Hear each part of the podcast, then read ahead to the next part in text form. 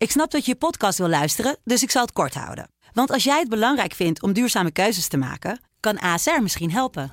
Nou hoor ik je denken, hoe dan? Nou, bijvoorbeeld bij het duurzaam herstellen van schade. Of de premies die we beleggen volgens ons duurzaam beleggingsbeleid. Dat bepaalt waar we wel en juist niet in investeren. Wil je meer weten over welke duurzame keuzes ASR maakt? Ga dan naar asr.nl slash duurzame keuzes. ASR doet het. Zo, dan kan je nu lekker naar je podcast luisteren. Deze podcast wordt mede mogelijk gemaakt door BNP Paribas Markets. Inspiratie, educatie en producten voor actieve beleggers. Dit is Kwestie van Centen, een podcast van de Financiële Telegraaf. Met Martin Visser en Herman Stam. Martin, uh, welkom. Leuke tijd volgens mij voor uh, mensen zoals jij. Uh, vlak voor de Prinsjesdag met alle uitgelekte plannen elke dag. Het is, het is ongetwijfeld zwaar qua verslaggeving, ja, maar het ook moet, het spannend. Moet, het moet een hele saaie Prinsjesdag worden. Dat kan bijna niet anders. Ja. Bedoel, we, weten, we, we weten nu echt alles al tot het steunpakket aan toe. Ja. Maar is die tijd dat je ook zo'n uh, document nog van de kopieerapparaat ging halen? Dat is niet meer. Het lijkt nu zo gecoördineerd hoe er gelekt wordt. Je ziet in zoveel verschillende media zie je Ja. allerlei plannen nu. Aan de Nou, dat is ook bijna, bijna geen normaal lekker meer. Omdat natuurlijk ook nu de werkgevers en vakbonden heel nauw betrokken zijn. Dat steunpakket en de begroting hebben natuurlijk, zijn natuurlijk gelinkt. Dus het wordt nu in zo'n groot, in zo'n grote samenstelling wordt dit besproken. Ja, Het viel mij op dat, eh, dat, dat ja, de- vanuit, eh, vanuit de polder, zeg maar, daar gewoon ook zonder blikken of blozen gewoon verteld wordt, dit is het plan. Mhm. En eh, nog niet eens geheimzinnig erover doen. In het begin van de week was het nog wel een beetje zo. Toen hadden we al nieuws over dat steunpakket. Toen was het allemaal al van oei oei oei. alle bronnen die we, die we belden. En zowel in de politiek als, als in de polder van het is allemaal off the record, off the record. Nou ja, dat, dat ging er ook een beetje af zo. Tegen het eind van, en terwijl soms is het ook een beetje, is het natuurlijk een beetje voor de show. Al dat gedoe van off the record, dat iedereen lekt. Maar goed. Ja. Dus nee, dat is wel, Maar dat is wel helder. Dit is eigenlijk, het is wel een goed teken omdat ze het gewoon eens zijn over heel veel dingen. Ja, zo, zeker. Zo kan je het ook zeker zien. En eh, het was natuurlijk rondom, ook rondom dat, zowel de begroting was natuurlijk spannend, want het is niet, het is niet makkelijk eh, om met vier partijen een, eh, begroting af te spreken en dan ook nog in crisistijd. Dus dat is, eh, voor zover ik dat kan overzien en wat ik ook gewoon lees en hoor van, van, van, van onze collega's in Den Haag, eh, hebben ze dat vrij goed en vrij snel gedaan. Eh, en dan de samenspraak met de polder loopt ook... eh, ziet er ook, dat ziet er aan de buitenkant ook heel goed uit. En ja, er werd wel wat touw getrokken. Getouwtrekt. Ja, ik touw trek. Ja, eh, getouwtrekt. Ja. En, eh, nee, en, eh, maar in ieder geval gediscussieerd Mhm. eh, in de loop van de week over hoe snel versober je dat steunpakket. Wat echt wel eh, ja, be- belangrijke keuzes zijn die daar worden gemaakt. Nou, en dan zie je dat daar op het laatste moment het kabinet ook nog een beetje meebeweegt met werkgevers eh, en vakbonden. En dan, dan vervolgens daar ook uitkomen. En ook bijvoorbeeld werkgevers hun verlies nemen als ze bijvoorbeeld hun gehoopte winstbelastingverlaging eh, niet incasseren. Ja. En, eh, ja. Ja, want je krijgt dus ook niet nu als jij rondjes belt dat ze bij VNO zeggen van ja, die winstbelasting, het had wel verlaagd moeten worden. Nee. Dus dat is gewoon. Nee, kijk, het werkt weer een beetje anders. Uh, als je nu een werk, met de werkgevers eh, belt, zeggen, dan eh, zeggen ze dat ze heel blij zijn, want ze hebben alles binnengehaald. En eh, nou, er wordt misschien nog fijntjes geweest naar een analyse van mij van, het is het één, twee weken geleden, over hoe de werkgevers eh, op bepaalde vlakken qua belastingverlaging met de rug tegen de muur staan. Mhm. En eh, ja, dan, dan, ja dat, dan wordt natuurlijk groots dit, dit verlies ge- geïncasseerd. Dat die winstbelasting dus niet omlaag gaat voor grote bedrijven. Eh, maar dat ze er zoveel in ruil voor terugkrijgen, dat is overigens misschien ook wel een beetje waar.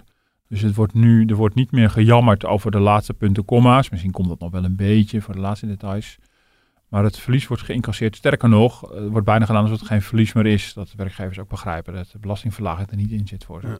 Nou, een stortvloed aan plannen gehoord. Wat valt jou op? Wat, wat zeg je van, vooral op economisch vlak, laat ik zo beginnen. Eh, dit is nou echt goed nieuws, een goede aanpak die ik zie. Nou, twee dingen vallen mij op. In de begroting, noem wel even die belastingen, ehm, zie je natuurlijk een hele duidelijke verschuiving van lastenverli- niet naar lastenverlichting, maar naar investeringen.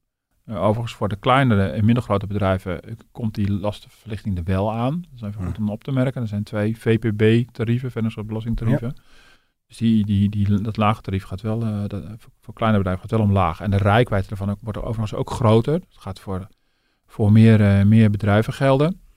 Ehm, dus die verschuiving van, van lastenverlichting, wat ook heel klassiek is, naar echt naar het stimuleren van investeringen. Als de overheid gaat investeren met 20 miljard in het Wopke Wiebes eh, fonds. Nou, daar hebben ze toch, dat wisten we vorig jaar al dat het eraan zou te komen. Nou, dat komt dan nu ook eindelijk. Dat heeft ook wel heel lang geduurd. En er komt een eh, flinke impuls eh, voor, voor, voor het bedrijfsleven, voor de private investeringen. Dus een soort premie een investeringspremieaftrek. Ehm, hoe dat precies gaat werken, dat moet, dat moet nog wel blijken. Dus in die zin zijn de details natuurlijk wel degelijk heel belangrijk. Dus dat is één. En het tweede, ja, dat vind ik toch echt verwacht, maar wel echt belangrijk om, om, om te markeren, is de versobering van de overheidssteun. Mhm.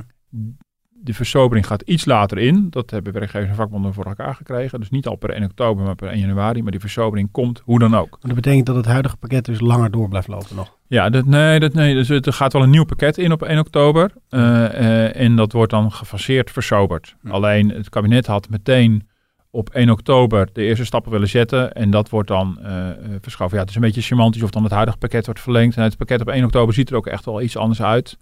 Ja. Um, maar daar zit, het, het, het, dat gaat negen maanden lopen. Dus een veel langer pakket dan tot nog toe. Dus ook om, om nou, gewoon ook de, de, de, de ondernemers ook, ook gewoon uh, voor langere periode duidelijkheid te geven. Al, al die ondernemers die bezig zijn om hun begroting voor volgend jaar op te stellen, die weten dan uh, nou, beter waar ze aan toe zijn. Um, maar de beweging is natuurlijk duidelijk. Stapje voor stapje wordt die steun gewoon minder. Gaat Mhm. die voor minder bedrijven gelden? Zal de, de, de, de steun kleiner zijn in omvang? Komt er ook ruimte voor ondernemers om ook van werknemers iets terug te verwachten? Dat is ook wel heel belangrijk. De ontslagboete gaat er helemaal af, wat wij horen. En um, het is niet meer zo dat ondernemers verplicht zijn de salarissen 100% door te betalen. Dat was in de eerste twee steunpakketten wel zo. Mhm. Dus er komt ruimte in bedrijven en in branches om in overleg te gaan met de vakbond, met de OR, met je personeel, uh, als dat nodig is. Om bijvoorbeeld minder te werken met minder salaris uh, Ja. of een loonoffer te brengen. Uh, dat betekent dus de, bo de boodschap aan, aan de economie, aan, aan ons allen is van beste mensen, pas je stapje voor stapje maar aan aan, aan deze nieuwe situatie. We zitten nog een beetje in het oog van de storm en het gaat nog veel erger worden. Wij willen heel graag dat mensen hun banen behouden. Iedereen aan tafel ziet dat we langzaamaan in het belang van de belastingbetaler ook wat moeten versoberen. En de vraag is altijd of dat voor alle sectoren, of dat tempo dan klopt. We zitten ook wel in een andere fase. En dat betekent ook dat we na moeten denken over hoe zorgen we ervoor dat mensen van de ene baan naar de andere baan komen. Hoe zorgen we ervoor dat er mensen die in een uitkering terecht zijn gekomen weer aan een uh, baan worden geholpen in een sector waar nog wel uh, vraag is naar mensen. Vind, vind je niet merkwaardig uh, als je bij onze oosterburen dan uh, hoort, de Duitsers, dat ze gewoon zeggen: joh, we gaan een jaar lang nog helemaal het steunpakket op dezelfde manier uitvoeren. En, ja, dit, het loopt, dat loopt veel langer ook, ja. het Duitse steunpakket. Um, het is overigens, ik vind het wel, het is heel lastig om al die steunpakketten onderling precies, precies te vergelijken. ik denk dat het Nederlandse pakket wel echt heel erg riant was. Kijk, het Duitse pakket. Uh, ja, het lastige is dat die sociale verzekeringssystemen overal een beetje anders zijn. Ook het Duitse pakket is wel echt wel een beetje gebaseerd op een soort deeltijd WW. Dus ook wel op, op uh, mm. uh, dus dat er gewoon minder werk te doen is. Um, dus in die zin heb ik niet de indruk dat de Duitsers van meter van rianten waren en heel riant blijven. Mm. Um, en ik denk dat wel wat, wat, wat Den Haag nu doet wel... Ja, het is wel een harde boodschap, maar wel begrijpelijk. Ik bedoel, het zat er wel aan te komen. En dat zie je ook wel, dat proef je ook wel bij werkgevers en bij de vakbonden. Begrip dat, dat, ja, dat je niet uh, bezig kan blijven met de steun op, op oude voet voor te gaan. Ja. nou, dat zie je ook bijvoorbeeld met, met de, de, steunregeling voor ZZP'ers. in de, de eerste ronde was die, was die in die zin heel riant, niet qua bedrag, dat is gewoon bijstandsniveau. Maar riant in de zin dat er niet gekeken werd of je partner geld verdiende of dat je een eigen huis had. Ja. In de tweede ronde kwam die partner toetste wel. En nu in de derde ronde, per 1 oktober, komt ook die vermogenstoets. Dat betekent dus als je spaargeld hebt of een eigen huis, dat je geacht wordt als ZZP'er daarop, uh, eerst daarop in te teren voordat je steun krijgt. Ja. Uh, dan hoorde je ondertussen aan het begin van de week ook nog uh, verhalen van ja, uh, dan gaan we ook nog iets aan de hypotheekrente aftrekken. Ja. Maar dat is dan weer om eh, steun uit Brussel te krijgen, waar we ook nog voor willen ja, aankloppen. Ja, en, en tegelijkertijd uh, zie je daar ook gewoon een soort interne politieke strijd binnen zo'n coalitie. Um, uh, nee, dat, dat had twee aspecten. Dat eerste vond ik, vond ik wel heel ironisch, want Nederland heeft zelf natuurlijk geëist dat, dat als er uh, geld verdeeld werd vanuit Brussel, dat daar hervormingen tegenover Ja. moesten staan. Harde Ja. vuist op tafel van Rutte. Ja. Ja, en Nederland kan zelf uh, aanspraak maken op een paar miljard uh, van het herstelfonds. Nou, dat is dan weer mooi meegenomen. Dan kan je weer een deel van het steunpakket van financieren. Of je stort het in het financieringstekort. Of uh, dat is een beetje vestzak broekzak. Maar dan moet Nederland natuurlijk ook laten zien wat ze hervormen. Het is nog niet helemaal duidelijk. Dat moet een beetje de praktijk uitwijzen hoe, hoe streng Brussel zal zijn. Um, ja, we kennen de Europese Commissie als um, um, veel geschreeuw, maar weinig wol. Uh, het is in de praktijk vaak niet zo heel erg streng. De soep wordt niet zo heet gegeten. Ehm, Of heeft Rutte zo weinig vrienden gemaakt dat ze juist bij Nederland extra sterk gaan? Mm, Nou, dat denk ik niet. Ik denk niet dat dat, dat dat zo werkt. Maar ik denk wel dat het ook gewoon voor Nederland wel goed is om te laten zien van wij doen ook een aantal dingen. Nou, ze kunnen ook dingen laten zien die al in beweging waren. Dat is ook heel gebruikelijk om in Europa gewoon plannen in te leveren die je, die je al had gemaakt. Nou, dan kan je gewoon laten zien dat je met het pensioenstelsel bezig bent. Dan kan je laten zien dat je met de arbeidsmarkt bezig bent. Al is die hervorming natuurlijk redelijk gestokt bij de ZZP'ers. Eh dat is eh, dat dit kabinet uiteindelijk niet gelukt om daar ook eh, echt werk van te maken. Ehm, ja, en dan komt de hypotheekrente ook, het aftrek ook weer te sprake. Mhm. Ja, want elk, elke buitenlander die kijkt naar onze statistieken, elke buitenlandse econoom of politicus, ja, die valt eh, in ieder geval één ding op. Dat is de krankzinnig hoge private schuld in Nederland. Eh, we, zijn, we, staan, nou, we staan niet op de eerste plaats. Ik dacht dat op de derde plaats stond. Luxemburg is veel hoger. Maar Nederland heeft hele grote eh, private schulden. Dat is iets wat we vanuit Italië hadden terugkrijgen. Italië heeft heel grote publieke schulden, wij grote private schulden. Dat zijn hypotheken. Dus vanuit, vanuit dat denken is het heel logisch om naar de hypotheekrenteaftrek te kijken. Ehm, eh, ja, omdat toch de angst is dat dat heel erg het aangaan van schulden stimuleert. Met als risico dat mensen niet, op een gegeven moment in een crisis niet meer kunnen afbetalen. Wij Mhm. weten dat eh, de betaalmoraal in Nederland zo hoog is dat ook bij de kredietcrisis toen de huismarkt instortte, het afbetalen eh, uiteindelijk nooit een issue was. Dat, is, dat speelt in Nederland eh, Ja. niet zo. Wel gewoon het, het stimuleren van schulden. Maar goed, uiteindelijk is het plan er niet gekomen. Nee. De- vind je ook de, sowieso gerommel aan het, het H-woord, het, is altijd, ligt altijd heel Ja. gevoelig. Eh, überhaupt die discussie starten, vind je dat ook niet een soort onbetrouwbare overheid Ja. als je daar nu over begint? Want het wordt niet voor niks gedropt, hè, zoiets. Nee, nee, zeker. En in die zin is het ook een soort signaal van een, de ene helft van de coalitie richting de andere helft. Van, eh, van D66 en ChristenUnie met name, richting de VVD. Ehm, ja, dit, qua timing zou dit heel onlogisch zijn. Ik denk dat het economisch is er misschien wel iets, is er wel iets voor te zeggen. En economen zeggen ook, dat moet je nog verder afbouwen. Maar dan moet je niet alleen maar die hypotheekrenteaftrek verlagen. Je moet gewoon het hele belastingstelsel hervormen. Dus dan moet je niet dit los zo doen. Want dit is natuurlijk een enorme inbreuk. En het geeft heel veel onrust en, en wantrouwen. Mensen denken van, hallo, maar ik heb hier mijn financiering van mijn huis op, op Mhm. afgesproken. En ik wist dat er een verlaging aankwam. En komt er nou dan nog meer aan? Ja. Ehm, eh, dus dit hoort, dit hoort eigenlijk thuis in een veel bredere discussie over het belastingstelsel. Waarbij je, eh, nou, dat, heel veel fiscalisten en economen die zeggen, je moet anders naar het eigen huis kijken. Dat moet je op een hele andere manier doen.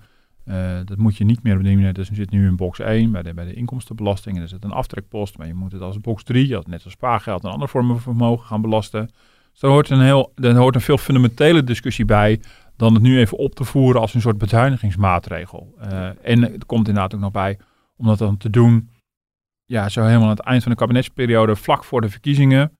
Ja, dan is het ook fair om gewoon eh, met deze wens de verkiezingsstrijd in te gaan. En dan kunnen mensen ook kiezen van willen we dat ja of nee. Dan moet, dan, dan, dan, moet die, de, de partijen die het dan willen ook uitleggen ja, waarom ze de dat willen. ging volgens mij ook een keer de verkiezingen in van we gaan hier Ja. niks aan doen. En toen is het uiteindelijk toch ook van een beperking.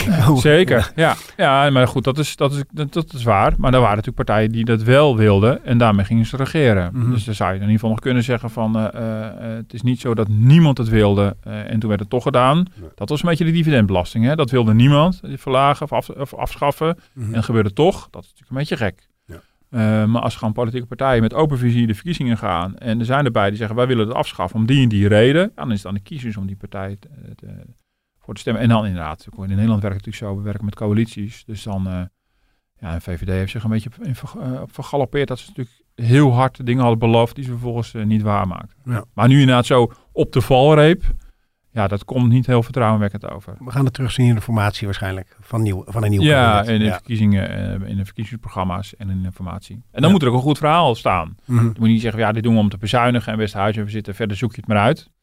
Ja, dat, lijkt me niet, eh, dat lijkt me niet de manier. Daar is dit veel te fundamenteel voor. Ja, helder. Even terug naar, die, eh, naar de begrotingen en alle plannen. Want ik denk dat onze luisteraars heel veel vragen er nog over hebben. Wie zijn, eh, je, je schetst net al een deel hè, van het pakket. Wie zijn daar nou het grootste slachtoffer van? Wie kunnen daar nou niet meer gebruik van maken? Ja. eh, hoewel ze dat tot nu toe wel kon. Ja, ja slachtoffers suggereert een beetje, een beetje ook alsof ik daarop tegen zou zijn per se. Maar even als je gewoon ziet van, van waar zitten de plus en de minnen. Er zit een van de minnen zit bij de ZZP'ers. Daar gaat de zelfstandige aftrek gaat sneller eh, verlaagd worden dan oorspronkelijk het, het plan was. Ehm, Zit er nou ook achter, dat dacht ik meteen bij, van om juist die ZZP'er ook wat meer gelijk te trekken Ja. met eh, mensen, met werknemers? Ja. Zo, eh, Ja, maar daar, daar, dat voelt ook... kijk, Die, die aftrek die, die zou naar 5000 gaan, maar die gaat dan naar 3200. Dat gaat Ja. gefaseerd, dat gaat in stapjes. Ehm, ehm, dat zit erachter. Maar ook daar heb ik wel... Ik, ik begrijp de beweging, maar daar, heb- daar heb ik zelf een beetje hetzelfde gevoel bij eh, als dat H-woord. Ik bedoel, het is een onderdeel van iets wat veel structureler is. Van een fundamentele andere aanpak van de arbeidsmarkt. Ja. Dan voelt dit toch als gewoon eh, het, het kloppend krijgen van je financiële cijfertjes. En ik denk, nou, die kant gaat het toch wel op. Ja. In die zin begrijp ik dat het heel verleidelijk is om dit te doen. Ehm, maar dit is nou niet echt ingebed in een hele duidelijke visie op, op hoe willen wij de arbeidsmarkt organiseren. Dus in die zin vind ik hem wel, vind ik hem wel verrassend. Eh, maar goed, Dus het misschien... effect zal ook niet heel zijn daardoor, denk jij? Nou ja, ehm, nou, dat weet ik niet. Financieel heb je natuurlijk wel, wel degelijk je effect van. En, eh, en, eh, en ZZP-schap wordt hierdoor ontmoedigd. Ja. Maar het zou natuurlijk prettig zijn.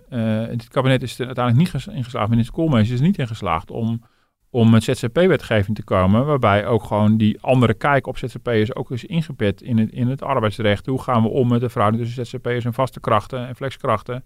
Eh, dus je zit gewoon nu in één knop te draaien. Nou, dat is niet echt een visionaire stap. Dat is gewoon uiteindelijk eh, is het gewoon om het financieel allemaal rond, rond te breien. En eh, goed, ja, misschien moet het, kan het in crisistijd ook even niet anders. Maar dat vind ik wel daar opvallend aan. Ik bedoel, de, de kwestie bij ZZP'ers is natuurlijk niet alleen hoe be- behandel je die fi- fiscaal. Maar er is ook een veel lastiger het, op te lossen probleem van... wat is nou een echte ZZP'er? Ja, en dat lijkt me ook wel heel belangrijk, dat je dat ook aanpakt. Dus ik mag hopen dat dat in een volgende kabinetsformatie wel gebeurt. Want anders is het een beetje een rare Wat losse jij bedoelt, eh, de verpleegster die door een ziekenhuis wordt ingehuurd, dat is eigenlijk ook een werknemster. Ja, als die gewoon in wordt ingeroosterd ja. en, en zo. Bedoel, eh, daar, daar is heel veel discussie over en heel veel onduidelijkheid ook over. Dus dat je, dat je iets met ZZP's gaat doen is wel heel begrijpelijk. Maar dit is wel weer één, één onderdeel in, in iets wat een groter pakket zou moeten zijn. Dus dat vind ik Mhm. opvallend. Ja. En, dat, eh, en, ja, en de grote bedrijven. Dat is zo'n, eh, ja, kan het niet anders zien dan, dan dat die toch verliezers zijn hierin. De, de, de, de, de, gehoopte verlaging van de vennootschapsbelasting, die vorig jaar al zou komen, maar die doen we doorgeschoven, omdat Rutte, eh, premier Rutte had gezegd van eerst hogere lonen, dan praten we verder. En eh, eh, die hogere lonen zijn er overigens uh, gaandeweg uh, de afgelopen jaar wel degelijk gekomen. Maar nu is het een andere reden om het niet te doen. Ze vinden het niet echt kies om in, in, in, tijden van crisis belastingdoucheurtjes uit te delen. Dus Mhm. grote bedrijven gaan wel, gaan wel profiteren van de investeringsimpuls. Maar uh, ja, we moeten wel slikken dat de winstbelasting niet omlaag gaat. Ja. ja, want je krijgt ook een soort stimulering als jij uh, voor werkgelegenheid zorgt. Hè? Ja. Dat, uh, ja, er komt een investeringsaftrek. Dat komt overigens rechtstreeks uit de koker van VNO-NCW. met het heet de BIC, de baangerelateerde investeringskorting. Ik hoop dat ik het nu goed zeg. Ik moet alle, alle, alle nieuwe afkortingen nog even eigen maken. We hadden al, uh, we hadden al de, de NOW, de ja. TOZO, de TVL, de TOA en uh, weet ik wat allemaal. Ik sprak Jacco Vonhoff, voorzitter ja. van MKB Nederland. Zei, nou, al die, al die afkortingen die kunnen me zo langzamerhand gestolen worden. Hij zei, met BIC ben ik ook nog niet tevreden. En dat klinkt, als je het leest, is het BIK. Maar als je het zegt, klinkt weer big, alsof het voor de grote bedrijven is. Mm. Ik zei, ja, jullie hebben het zelf verzonnen. Ja, dat was ook wel weer waar. Maar goed, uh, even dat terzijde. Ja. Dat, dat terzijde. Ja, om zo'n het, regeling small te noemen is ook ja, mee. Ja, nee, dat zeker. Maar dat vind ik dus wel interessant. Dus wel, uh, dit is al voor de zomer bedacht mm. in de Malitoren. Um, uh, en dat wordt dus ingestoken. Dat was niet evident dat het ging halen de, deze afgelopen week. Dat, goed, dat, dat, blijkt ook gewoon uit, uit, de politieke verslaggeving die we ook de afgelopen week ook hadden in de krant. Um, er was nog wel wat getouwtrek. Wat gaan we doen met die 2 miljard die vrijvalt doordat we die winstbelasting van grote bedrijven niet, door, niet gaan verlagen? Mm-hmm. En uiteindelijk zie je dan, dus in die zin is het niet zo dat zo'n lobby van grote bedrijven totaal machteloos is. Maar dat is inderdaad een, dat is een hele lange aanloop. Het is een investeringsaftrek waarvan we de precieze details nog moeten horen. Maar die op een manier uh, een, een, relatie legt tussen de, de loonkosten die je hebt. Dus, hoe, dus daarmee ook hoeveel mensen je in dienst hebt. En de investeringen die je doet. Die dus zo moet worden vormgegeven dat die uh, bedrijven uh, fiscaal een duwtje geeft als ze investeren. Maar de, dat duwtje is groter naarmate jij je werkgelegenheid overeind weet te houden. Mm. Dus goed, als, misschien zit het heel slim in elkaar, dat, dat moeten we allemaal gaan zien. Maar het is, wel, het is wel interessant als ze een koppeling maken tussen investeringen en werkgelegenheid. Ja. ja. Dat zijn de twee uh, minnen eigenlijk, hè, van de dingen waarvan je zegt... Ja, die was natuurlijk weer een plus. Maar ja, de, sorry, maar, ja, ja, even iets verder terug over de winstbelasting en, en de ZZP. de ZZP'ers. Ja. En dan de plusjes dat je zegt van nou, dat is wel heel Ja. aardig bedacht. Ja, nou ja, eh, wat ik wel opvallend vond, dat ze toch een kleine koopkrachtimpuls gaan geven in de, in, de, in, de, in de eerste schijf van de belastingen. Ehm, mijn idee was, een koopkrachtimpuls heeft niet zoveel zin, want mensen zijn enorm geld aan het oppotten. Maar dacht ik van, misschien heeft, is, heeft dit toch wel zin, Eh, omdat je natuurlijk vooral hier de, de, de laagste inkomens eh, eh, een handje mee helpt. En dat zijn misschien niet de mensen die in de, de periode van de lockdown nou zo grootschalig eh, hun, eh, hun spaarrekening zagen volstromen. Ja. Eh, denk we ik gewoon niet zoveel te sparen hebben eigenlijk. Ja. Nee, kijk, en er zijn natuurlijk ook mensen die meer te besteden hebben. En die hebben gemerkt van ja, ik ga niet meer elke twee weken op restaurant. dat, eh, ja, uit je, oude, je oude Belgische tijd Ja, is dit. ja, Ja. Dus er zijn nog mensen die, die gewoon echt aan, aan de, de luxere uitgaven, die ze gewoon veel minder hebben gedaan, echt geld overhouden. Maar dat geldt ook niet voor de, voor de, de, de, de, de lagere inkomens. Dus het zal niet echt heel, heel veel zo dan daar ik zetten, maar het is toch een kleine, kleine koopkrachtimpuls. Eh, dus dat valt op. Eh, spaarders krijgen het ook een meevaller. Eh, de, het, het belastingvrije deel van je spaargeld eh, wordt, eh, wordt verruimd. Ja. Ehm, overigens is het daar wel interessant. Weet je precies tot welke... eh, Ja, tot, tot 50.000. Ja. Het staat nu op 32.000 uit mijn hoofd. En dan voor, eh, voor, eh, voor stellen is het dan het dubbele. Hè? Dan, eh, eh, Mhm. En dat gaat naar 50.000. Dus voor een stel is dat dan een ton eh, vrijgesteld.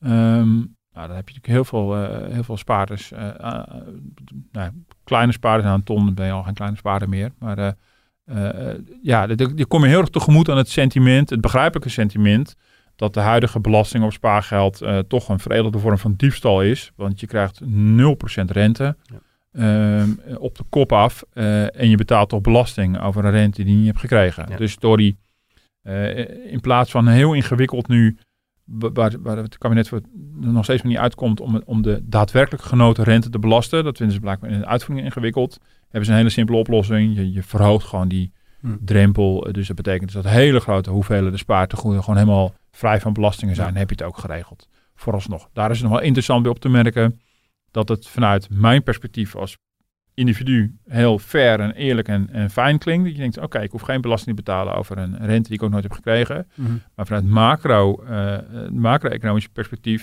is het natuurlijk wel heel apart dat je natuurlijk nu in die crisis, waarin wij met als Nederlanders bij elkaar geld aan het oppotten zijn, eigenlijk stimuleert om nog meer op te potten. Ja, en dat wil je juist eigenlijk niet. Dat wil je eigenlijk niet. Dus Ja. hier botst natuurlijk een soort politiek rechtsvaardigheidsgevoel, Mhm. botst hier op een macro-economische logica. Dat is nog wel interessant. Maar ik begrijp vanuit de politiek heel goed dat ze dit, eh, dat ze, dat ze dit doen. Ja, dat zijn je, dat zijn je plussen eigenlijk. Ik zag ook nog de overdrachtsbelasting, vond ik nog wel Ja, aardig nou, dat, is ook, dat is nog een aardige. De, de Ja. overdrachtsbelasting eh, die was natuurlijk al, eh, al eh, in een veel eerdere fase al een keer fors verlaagd. Is dat 2, 2%. En het interessante is dat ze dat nu voor starters naar 0% doen.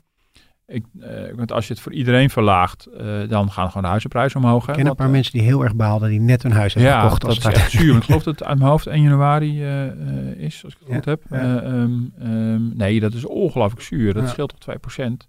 Kijk, en als je het over de volle linie zou doen, dan gaan de hui- huizenprijzen gewoon navenant omhoog. Want de, de mensen kopen voor een bedrag een huis wat ze kunnen financieren en nemen dat daar natuurlijk in mee. Dus als de overdrachtsbelasting wegvalt, dat betekent dat je meer te besteden hebt. Dat, dat drijft de prijzen op. Eh, maar om dit, als je dit zo heel specifiek op starters eh, richt, heb je dat effect als het goed is wat minder. En dat betekent dat starters misschien iets meer mogelijkheden hebben in de onderhandelingen. Dat ze Mhm. niet per definitie worden overboden door eh, mensen de- die met, met een overwaarde Ja. lekker gaan zitten bieden. En, dus dat is een, dat is een interessante, interessante gedachte. Ook hier, ook hier, dat geldt, dat geldt ook al voor die ZZP, ook voor het H-woord. Dit zou eigenlijk een onderdeel moeten zijn van een veel groter structurele plan. Maar dat kan je natuurlijk van een kabinet in zijn nadagen natuurlijk misschien niet verwachten. Ja. Want de woningmarkt, eh, daar zitten echt nog heel Ja. veel problemen. Starters is een van die problemen. Ja, nadagen en in een crisistijd natuurlijk. En in, en in, en in crisistijd. ja. Nou ja, de crisistijd kan ook wel een moment zijn om natuurlijk op een gegeven moment wel echt serieuze hervormingen op touw te zetten. Maar dat moet je misschien niet meer nu doen. mhm. Dat is misschien, dat is misschien echt te veel gevraagd, omdat je echt nog midden in die crisis zit en je alle zijden moet bijzetten. Maar ook, ook de woningmarkt, dat gaan we ook terugzien in de kabinetsformatie, daar moet wel echt iets gebeuren. De huurmarkt, Ja. koopmarkt, positie van starters. eh, eh, dus, eh, dus het is niet alleen hypotheekrente aftrek, dit gaat ook over, het- over hoe, hoe zorg je dat de aarde voldoende huizen zijn. Als we vrezen dat de bouwproductie ook weer een tik gaat krijgen ergens in de komende zes tot twaalf maanden als gevolg van de coronacrisis. Uh, uh, hoe zorg je dat huizen bereikbaar zijn, dat huurhuizen betaalbaar zijn, uh, dat er voldoende huurhuizen in de vrije sector beschikbaar zijn. Heel, heel breed problematiek waaraan één knop is gedraaid. Ja, er valt wel wat te kiezen, om maar een beetje een cliché van stal te halen. Maar dus, dat is wel zo bij de verkiezingen Zeker, dus in die zin hebben wij natuurlijk altijd het idee dat, we, dat, dat vooral Italië moet hervormen. En Spanje natuurlijk ook. En dan Frankrijk en dan Portugal en de hele rattenplan. Ehm, maar bij ons ligt ook nog wel op ons bordje. En dat is natuurlijk zien van een andere grootte, van een andere, andere orde. Uh, de Nederlandse economie draait natuurlijk tot de coronacrisis hartstikke goed. Maar er liggen wel degelijk echt fundamentele vragen over arbeidsmarkt en woningmarkt. Om er maar twee te noemen, belastingstelsel. Ja. Ik wil het tot slot nog even met je hebben over een verhaal wat je in de krant brengt over faillissementen. Ja. Dat vond ik nog wel interessant. Ook vooral wat je vertelt. Je hebt ondernemers daarvoor gesproken. Ja. Uh, waar, waar jij op aansloeg is van, hey, hoe kan het nou eigenlijk dat het nog wel meevalt met die faillissementen ja. tot nu toe? Ja. Wat zijn je conclusies verder geweest uh, toen je dat verhaal maakte? Ja, nou, het was inderdaad, die, die, die, die statistieken zijn interessant. Want het CBS, uh, het over de statistiek, is in de coronacrisis begonnen met wekelijks te rapporteren hoeveel faillissementen er zijn. Mm. Ja, ja daar, daar blijkt dus uit dat zij dachten van, nou, dat is een soort barometer van hoe het gaat met... Uh, in de, in de coronacrisis. Uh, dan kunnen we zien uh, dat de meter langzamerhand uh, richting storm en onweersbuien gaat. Ja. En wat we gewoon zien is dat op de barometer van CBS is het prachtig weer. Het is ja. windstil, zonnetje, spiegelglad water, niks aan de hand. Maar dat kan natuurlijk en niet. elke week zaten we weer van, nou, daar komen de cijfers. We gaan er eens even goed voor zitten. We besteden nou, er bijna geen aandacht aan. Want het is, ook, ja, het is een beetje, ja, je kan zeggen, ja, goed nieuws is toch ook nieuws. Maar dat is ook, het is, het is, het is bizar. Er zijn hmm. minder faillissementen tot, tot, tot vorige week uh, dit jaar dan in het economische topjaar 2019. Mm-hmm. Goed, het antwoord laat zich ook een beetje raden. Dat blijkt ook wel een rondgang langs experts. Dus een optelsom van de overheidssteun. Die is in grote, op onderdelen kan je kritiek hebben misschien, in grote lijnen heel succesvol geweest tot nu toe. Uh, de rol van banken ben ik ook best wel kritisch op geweest. Maar het uitstel van betalingen van rente en aflossing heeft natuurlijk wel degelijk zijn effect de bank als kredietverschaffer, dat, dat, dat is nog een ander verhaal of dat allemaal zo gewerkt heeft. Maar dat, dat, en dat kon in de kredietcrisis niet, konden die banken dat niet doen, of ze deden het in ieder geval niet. Ja. Want toen waren zij de oorzaak van het probleem. Um, huurders, eh, verhuurders, lang niet overal. We hebben ook conflicten gezien, geven soms ook huurkortingen of uitstel van huur. De belastingen zijn uitgesteld uh, voor ondernemers. En dan komt er ook nog eens een keer bovenop dat vier mensenrechters heel terughoudend zijn met faillissementen uit te spreken als het in de kern gezonde bedrijven zijn en de coronacrisis worden getroffen.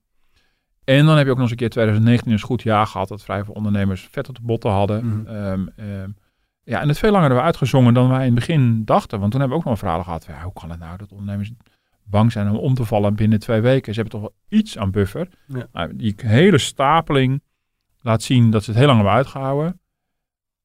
Maar nu, bedoel, en je proeft overal de vrees van ja, maar dit kan natuurlijk niet door blijven gaan. En mhm. zeker als de steun gaandeweg wordt afgebouwd, stapje voor stapje.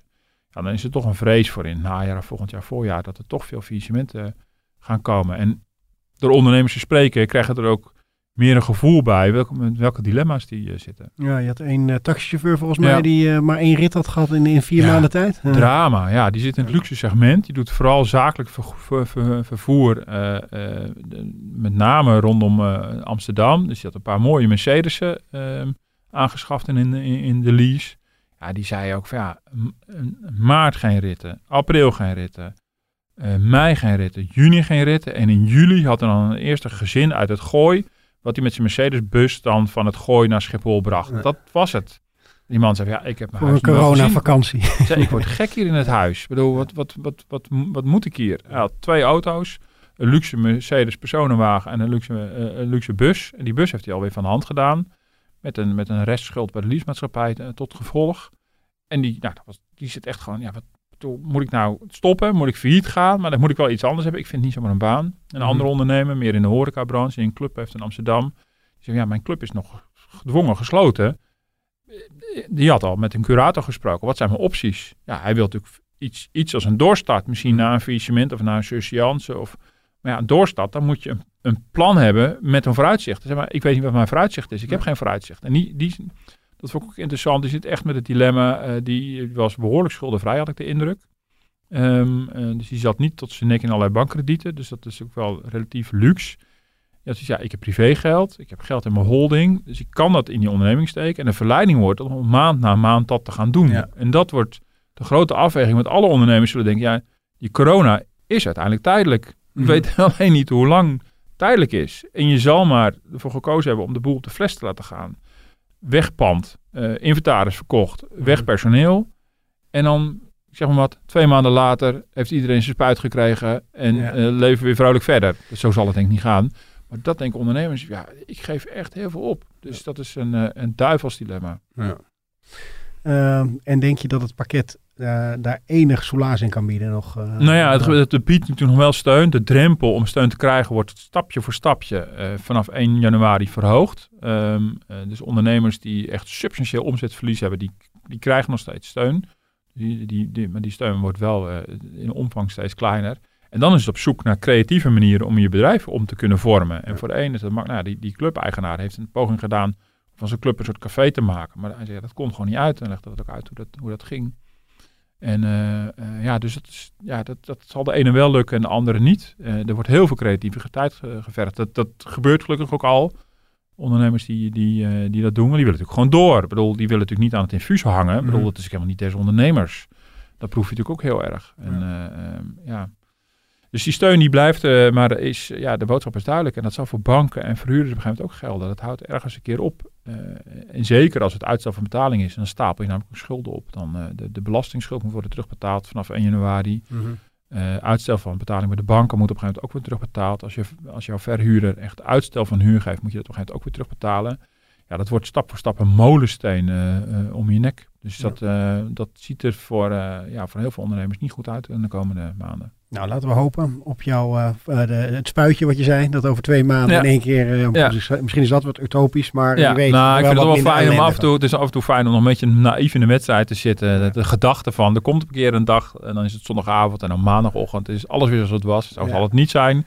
Maar eh, ja, je moet toch een beetje dat vooruitzicht blijven houden. Dat, eh, dat, dat dat ook weer normaler gaat worden. Dat bepaalde dingen die nu absoluut niet kunnen, op een gegeven moment weer kunnen. En Mhm. dan zullen we allemaal nog een beetje beschroomd zijn om massa's op te zoeken. En iedereen zal voorzichtiger zijn.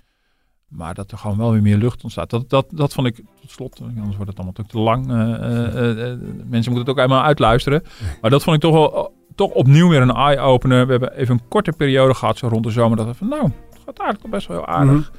En als je dat nu, als je nu de, de thermometer weer insteekt, denk ik, er zijn nog zoveel branches waar de shit echt nog zo diep is. Eh, dat vond ik toch wel, toch wel eh, heftig, eh, heftig om te horen.